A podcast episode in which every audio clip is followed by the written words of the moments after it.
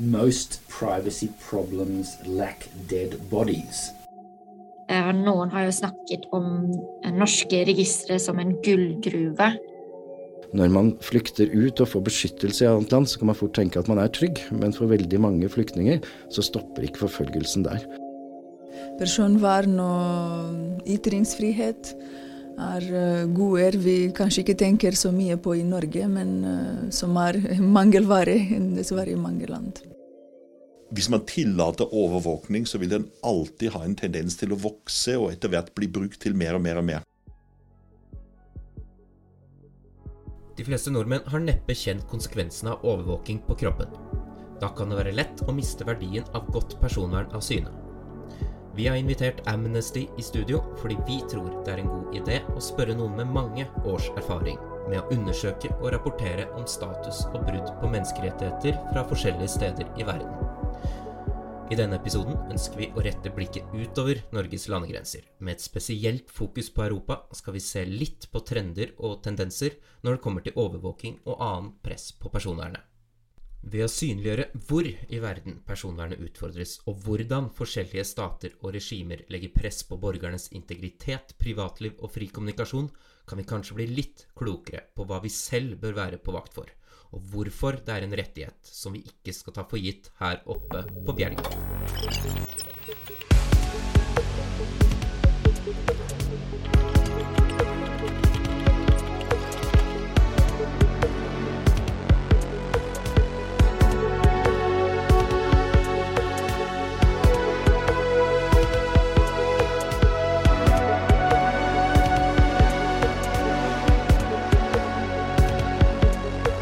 Altså, Jeg henger meg litt opp allerede i dette begrepet å skjule noe. fordi det er ikke noe kriminelt å ha noe å skjule.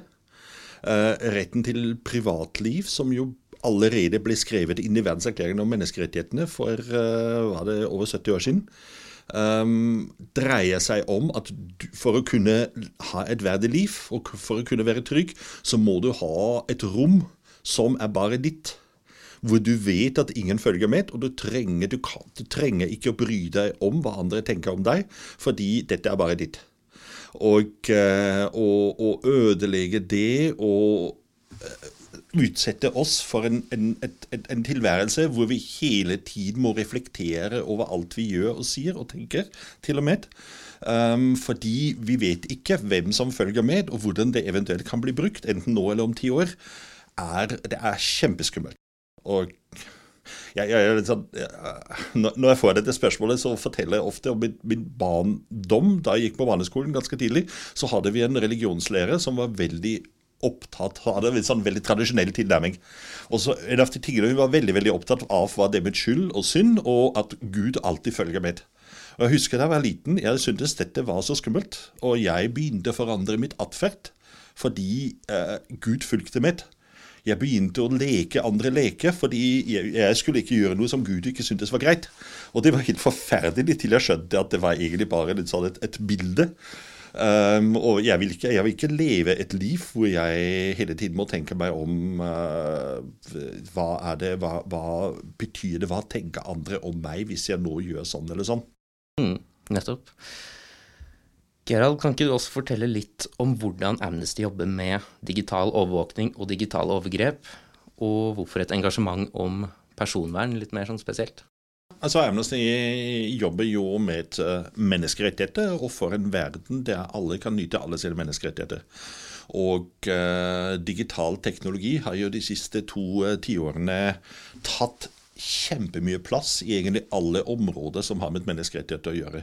Altså Det dreier seg ikke bare om personvern og ytringsfrihet. Det dreier seg om eh, tilgang til sosiale tjenester, om helseomsorg, om bevegelsesfrihet, om deltakelse i valg. altså Alt er jo på en eller annen måte har et digitalt element.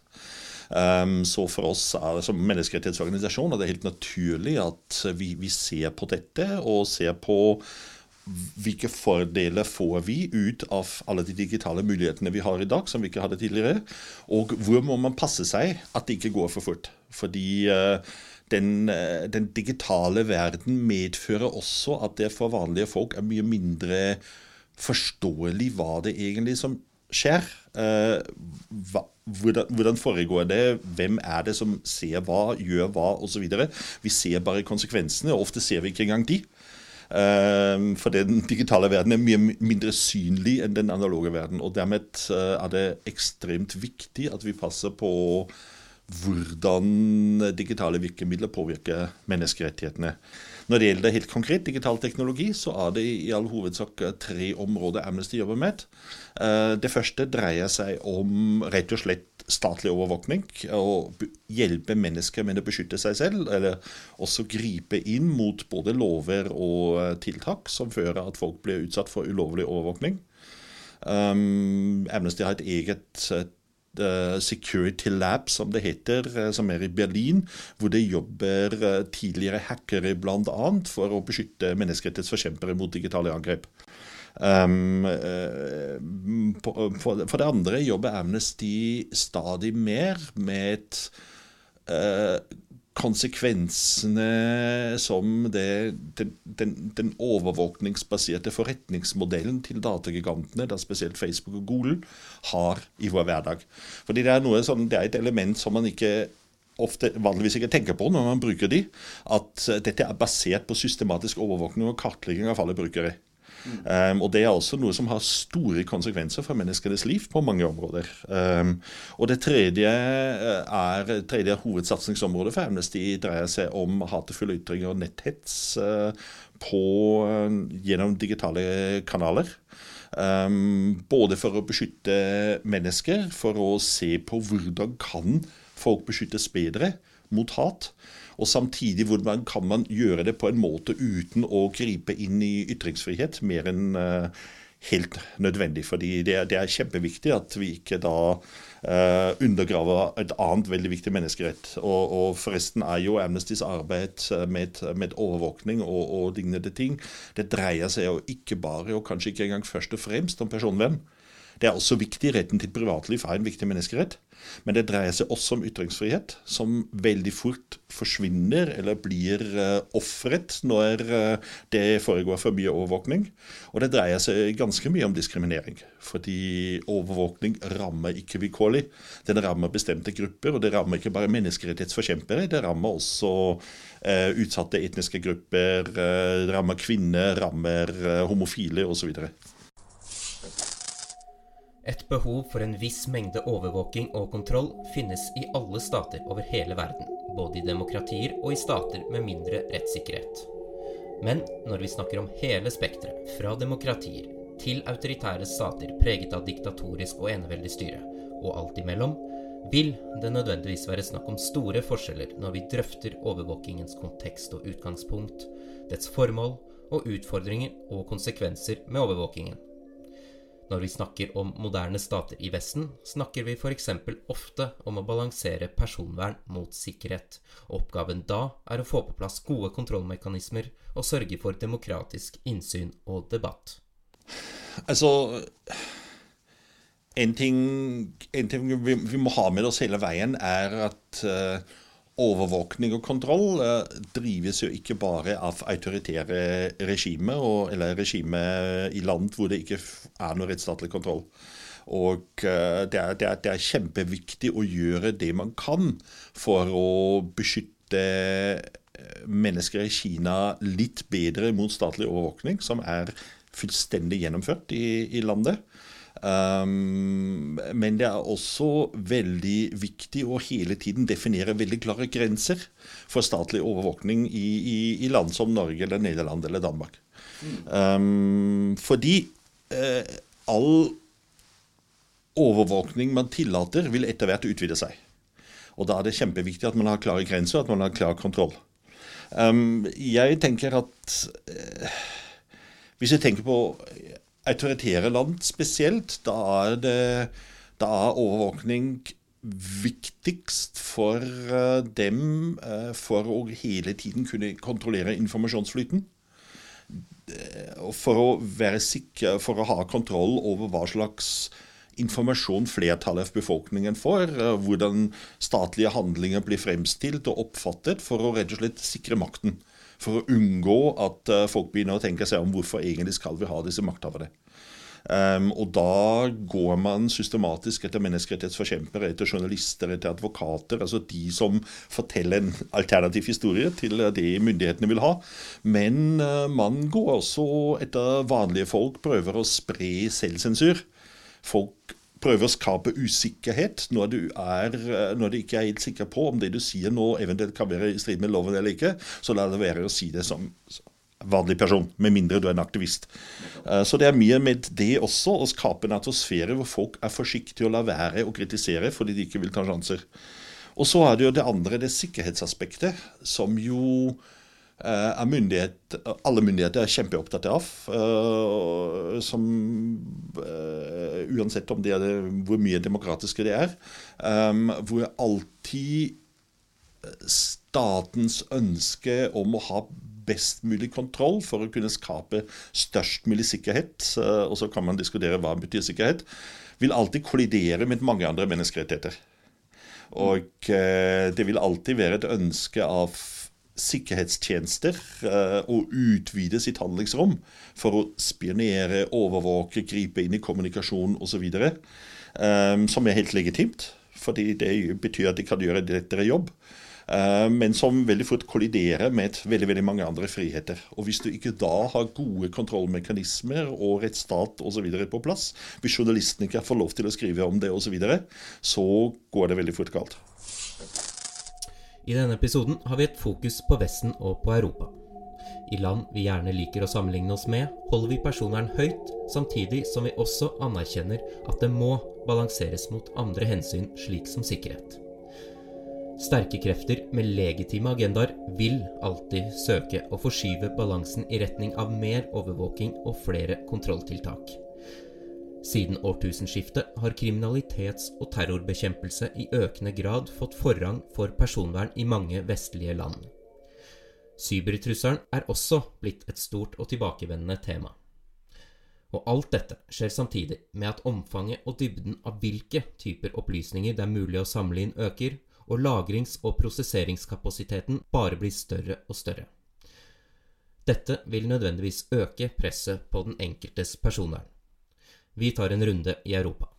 Terrorfarer øh, og av fare for øh, digitale angrep fører til at man, at man hva skal jeg si, ser på det digitale rom som en, en, trussel og en arena hvor man kan samtidig uh, ha, skaffe seg veldig mye bedre kontroll, uten at folk egentlig merker det i sitt eget liv.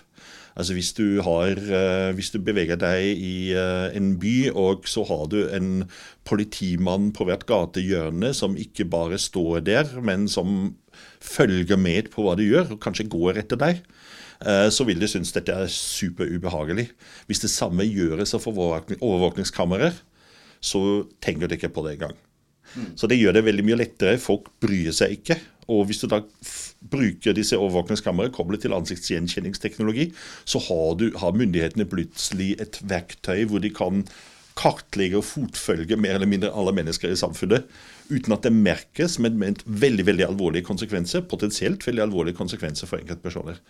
Um, så litt sånn, dette sikkerhetsargumentet um, det, det, det, er veldig uh, det brukes veldig ofte. Vi har sett altså f.eks. Storbritannia. Edward Snowden mener Storbritannia uh, er i dag en, den absolutte overvåkningsverstingen i hele den vestlige verden. Eh, britiske myndigheter har store etterretningsmyndigheter har store fullmakter til å få tilgang til innsamlede data.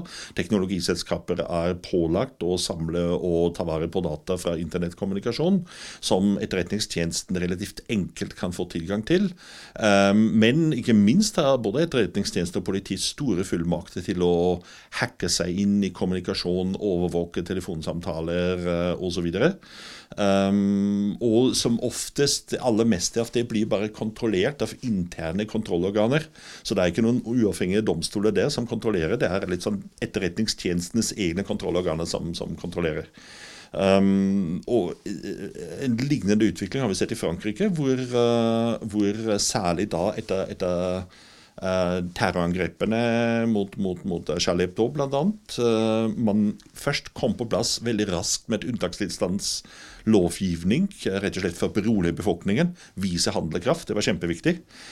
Veldig tøff tiltak som først og fremst rammet personer med et muslimsk bakgrunn, og delvis var helt tydelig også utformet mot personer med et muslimsk bakgrunn.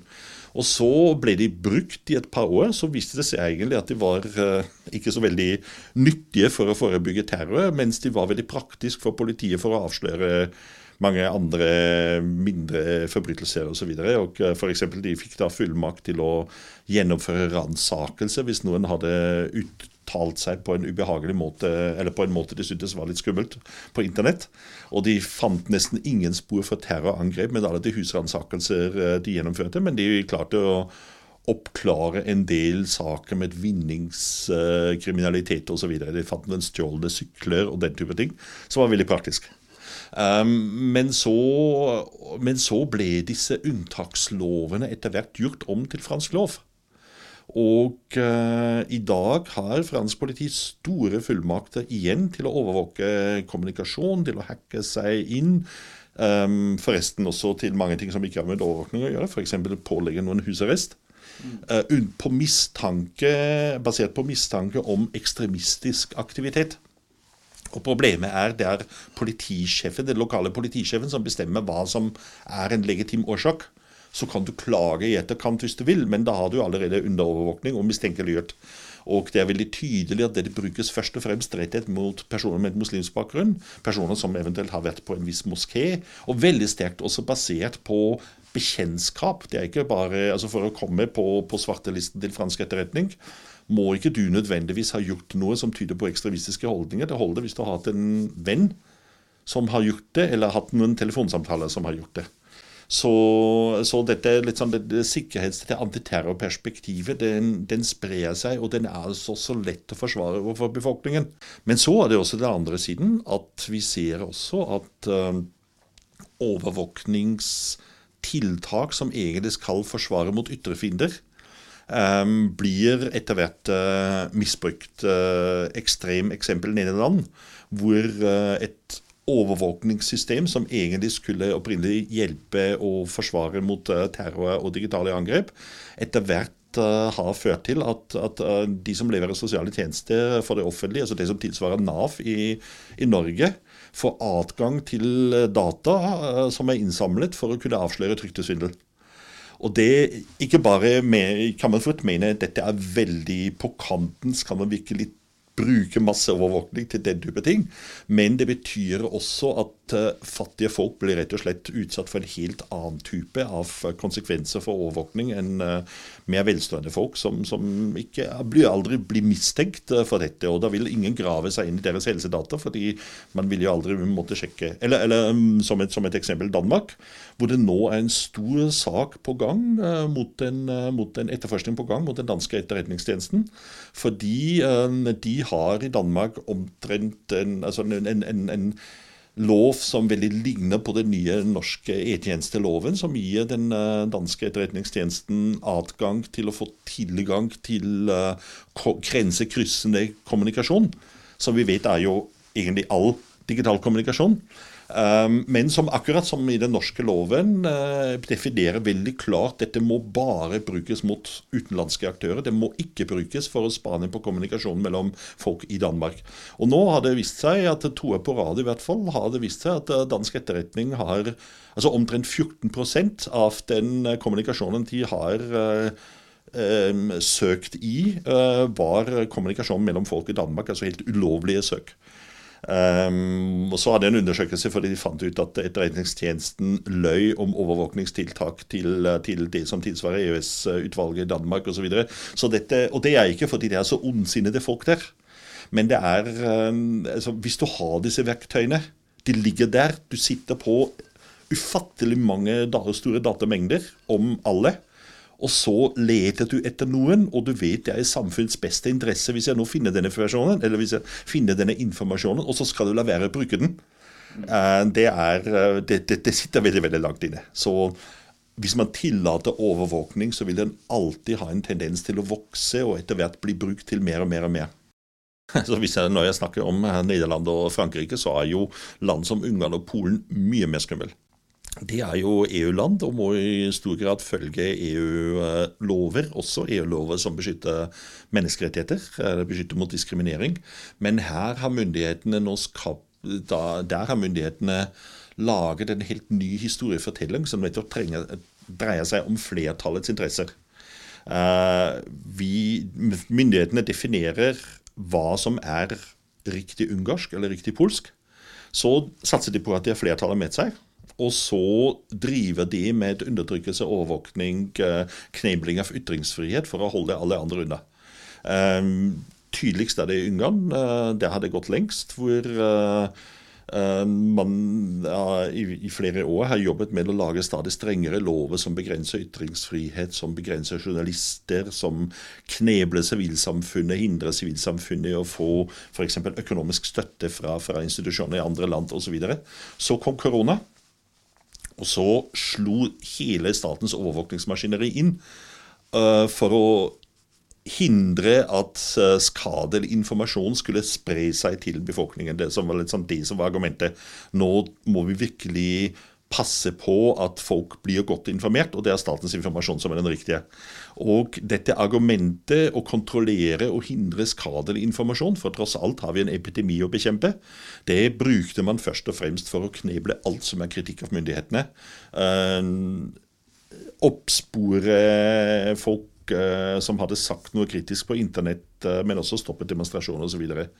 Um, vi opplever noe lignende i Polen eller Nei, det kan ikke helt sammenlignes, men det vi også er veldig bekymret for i Polen, er at uh, det er en litt sånn sterk historiefortelling om hva som er polsk og ikke polsk, som er, har veldig sterke homofobe preg, altså veldig sterkt preget av diskriminerende holdninger mot uh, homofile, bifile og transpersoner. Um, og uh, som har et veldig sterkt uh, preg som prøver å begrense kvinnenes rettigheter. Altså, Vi hører en del om uh, strenge abortlover i Polen, og det er litt sånn spissen av kampen. Men det går i veldig mange andre retninger også. Kvinnens rolle i samfunn, som er staten som hva som er polsk eller upolsk for en kvinne å gjøre. Um, og den kobles igjen til å følge med, prøve å bygge et system hvor man følger med på hva folk gjør. Um, Um, man bruker hele tiden straffelover um, for, å, for, å, for, å, forske på folk og følge med på. Og uh, bygge etter hvert opp en overvåkningsstat som skal rett og slett sørge for ikke lenger passe på at ikke straffelovene blir brutt, men passe på at moralen ikke blir brutt. Mm. Og da, da er vi på et veldig, veldig skummelt sted. På den ene siden trekker altså Gerald i Amnesty frem sikkerhetsargumenter, antiterrorarbeid og forsvar mot cybertrusler. Dette er temaer som ikke er helt ukjente for oss i Datatilsynet. Men på den annen side hevder gjesten også at enkelte europeiske myndigheter både tar teknikken og historiefortellingen i bruk for å innskjerpe samfunnsmoralen og myndighetenes lojalitetskrav. Men Betydningen av dagens kommunikasjonsrevolusjon kommer jo også borgere og den enkelte til gode, både i Europa og i resten av verden. For er det ikke slik at informasjon om overgripere og ofre spres lettere og mer umiddelbart enn tidligere? Kan diktaturer, autoritære stater, og for den saks skyld moderne demokratier, egentlig skjule sine forskjellige typer overtramp særlig lenge? Ja, det, det, blir jo stadig vanskeligere. Og det er jo veldig viktig når vi snakker så mye om overvåkning og alt det skumle som følger med, så er det viktig å, å ha med seg at den digitale revolusjonen har også revolusjonert mulighetene for å avsløre overgrep og for å spre informasjon om det. Og det er altså det, sånn, det, det tydeligste eksempelet så vi kanskje under demokratiprotestene i Iran for en del år siden. Da myndighetene, som de alltid gjør når det er opprør i landet, stengte ned alle aviser. Um, prøvde å liksom blokkere alle de tradisjonelle kommunikasjonskanalene. Mens, de, mens folk stod på gaten og filmet med sin smarttelefon hvordan politiet banket opp demonstranter og la det ut på YouTube. Um, og Vi har jo også sett den hele altså, arabiske våren startet jo ble jo startet av en ung kvinne som uh, gikk rundt på sykehuset i Tunisia og filmet personer, intervjuet personer som hadde blitt banket opp av politiet, og la det ut på YouTube på en, en, en kvinnelig aktivist i Egypt. Som uh, la ut videoer uh, og oppfordret folk å møte opp til demonstrasjoner. Og som var noe som myndighetene ikke kontro kunne kontrollere den gangen.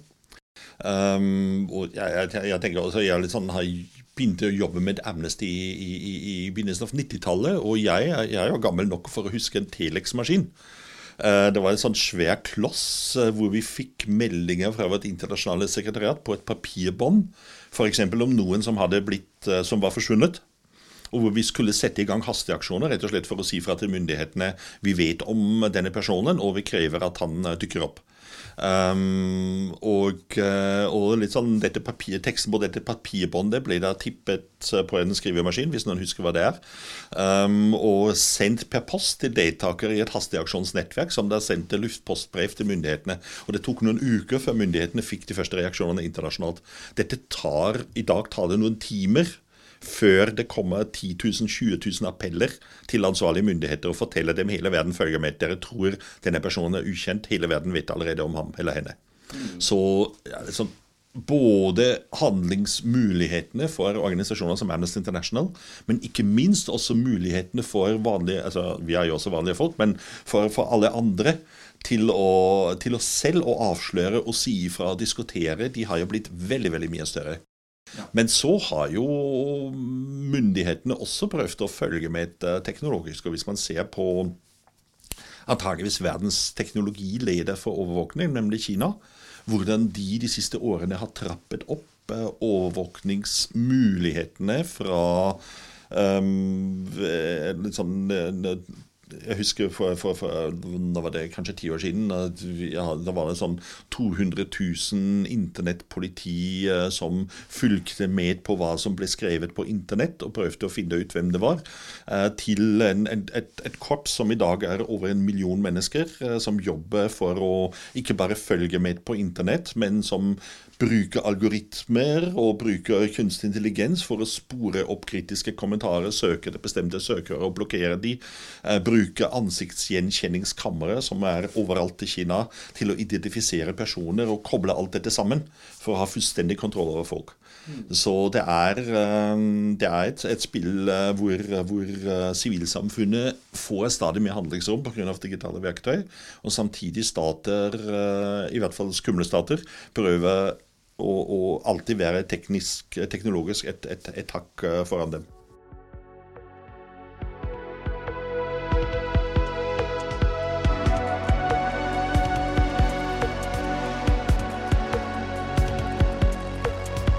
Når samfunn digitaliseres, øker også sårbarheten for misbruk av teknologien.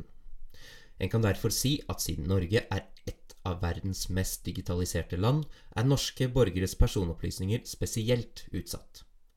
Men samtidig er vi tross alt skodd med demokratisk kontroll og rettslige skranker for overvåking og annen statlig bruk av teknologi. Men mange andre land, og kanskje spesielt i sør og i den tredje verden, og som ønsker å bringe landet sitt inn i det 21. århundre, importerer masse ny og forskjellig teknologi, og noen ganger overvåkingsteknologi. Og slike stater vil jo som regel ikke ha den samme demokratiske motstandskraften mot overtramp og misbruk.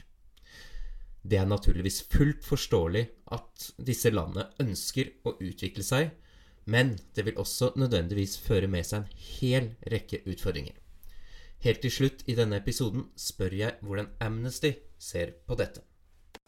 Ja, det er jo det er et veldig viktig spørsmål, og det er ekstra viktig nettopp fordi, som du sier, ehm, vestlige land, og ikke minst Norge, er jo veldig opptatt av å bistå fattige land med digitalisering. Og det er kanskje ikke først og fremst eksport av overvåkningsteknologi, det gjøres også. Eh, men eh, man rett og slett bistår til en sånn generell digitalisering av samfunnet for å gjøre sosiale tjenester, offentlige tjenester, mye lettere. Og, og det er veldig bra. Um, fordi veldig mange får et bedre liv. Uh, men uh, selv om man ikke har med stater å gjøre som er litt sånn veldig autoritære i sin struktur, hvor dette åpenbart er skummelt, så har man stort sett med stater å gjøre med hvor personvern er veldig svak, hvor det egentlig ikke er noe forståelse for personvern. Um, hvor du ikke har noen ordentlige tilsynsorganer, og hvor du ofte heller ikke har noen gode rettsstatlige institusjoner som folk kan bruke til å forsvare sine rettigheter. Jeg husker jeg leste den veldig gode strategien for digitalisering av norsk bistand, uh, som vel ble lagt frem, jeg tror det var i fjor. Uh, hvor nettopp Norge er veldig ambisiøs uh, til å, hvordan man kan hjelpe land man prøver å drive bistand med. For å komme på en bedre digital standard. For å kunne nå veldig veldig mange flere mennesker, f.eks. med helsetjenester. Um, og så spurte jeg, spurte jeg, en kollega av meg som, som har opprinnelse fra Vest-Afrika, og sa du, um, hvordan, hvordan, er det hvis man Altså, hvor høy er forståelsen for at data en myndighet har tilgang til, ikke skal deles med alle? Så lo han bare og sa det fins ikke noen personvern i landet jeg kommer fra. Det er ikke, Folk forstår ikke hva det er for noe. Sånn, og, og, og, og, det er jo kjempeskummelt. Ikke bare for misbruk. altså Hvis du liksom digitaliserer helsevesenet i Tanzania, så er det veldig positivt for veldig veldig mange, og ekstremt skummelt for personer som er homofile, personer som er HIV-positive, um, um, som, som, som myndighetene er ute etter. Um, men det er også uh, altså, altså, Det er ikke sikkert at noen vil hindre en som jobber i statsforvaltningen, med å finne ut alt han vil om uh, sosiale, de sosiale forhold til eksen, som nå har en ny kjæreste. Hva gjør hun nå? Hvor bor hun nå egentlig? Hvor mye tjener de? Osv. Um, eller, eller litt sånn være nysgjerrig, eller for politiet å få tilgang til data som egentlig bare helsemyndighetene skal kunne sitte på osv. Fordi det er ikke noe tradisjon for den type strenge regler og begrensninger for personvern, og heller ikke den nødvendige kompetansen. Så det som er, Og det betyr ikke at man ikke skal digitalisere landet i sør, det er helt nødvendig at man gjør. Eh, men det er kjempeviktig at det alltid følger med et fokus på nettopp beskytte personvern, beskytte ytringsfrihet. Skape bevissthet hos myndighetene at det er nødvendig, gi dem den nødvendige kompetansen. Men også insistere på at noen regler og standarder må være på plass, og at de må ha gode tilsynsmyndigheter. Egentlig burde ikke Norge hjelpe et land med å digitalisere seg uten at man krever at de oppretter et eget datatilsyn. Altså uh, FN-prinsipper uh, for, for, for, næringsliv sier helt tydelig at uh, selskaper må ikke gjøre noe som bryter menneskerettighetene. Um, og nå er et um, israelsk selskap for å ta et veldig aktuelt eksempel, uh, lager et av verdens mest avanserte overvåkningssystemer. Uh, det er NSO Group som lager det i Israel, og det systemet heter Pegasus som hjelper da sikkerhetstjenester med å hacke seg inn i bl.a. mobiltelefoner. Og på den måten omgå alt det fins av krypteringer i det du eventuelt bruker av apper på din telefon, for det er telefonen selv det kommer inn i um, og selger denne til, til land som Saudi-Arabia og Arabiske Emirater, uh, så vet de at dette verktøyet vil bli brukt til å gå etter menneskerettighetsforkjempere, uh, journalister, advokater, rett og slett for å kneble dem og straffe dem for ting de har sagt. Så, uh, og det er litt sånn da det noen vestlige selskaper, det er, så jeg har nevnt NSO Group, så, og hvor forresten alle deres eksporter blir godkjent av det israelske forsvarsdepartementet. Så de kan ikke selge denne softwaren til Saudi-Arabia eller, eller, Emiratene uten at uh, israelske myndigheter sier ja til det. Men uh, det er også selskaper i Italia Italia i Tyskland som lager veldig avansert overvåkningsteknologi og eksporterer det til veldig veldig skumle aktører. Um, nå er det jo altså Amnesty har jo kommet ut med en ganske omfattende kartlegging av hvem Pegasus-softwaren ble brukt til, og vist at bl.a. Uh, har marokkanske etterretningstjenester i hvert fall prøvd å bruke det mot, mot, den franske statspresidenten, som da plutselig har ført til en diplomatisk skandale mellom Frankrike og Marokko, og en granskning i Israel. Så det er, det er jo noe. Men det er jo kjempeviktig at man ikke bare reagerer når det er presidenter blir spionert på. Og da er det rett og slett vestlige myndigheter eh, som er altfor sløve med å kontrollere eksport av eh, teknologi som kan brukes til overvåkning eh, av ekstremt skumle land. Skal vi eh, la det være siste ord. Veldig bra. Tusen takk. Takk for at du kom. Takk i like måte.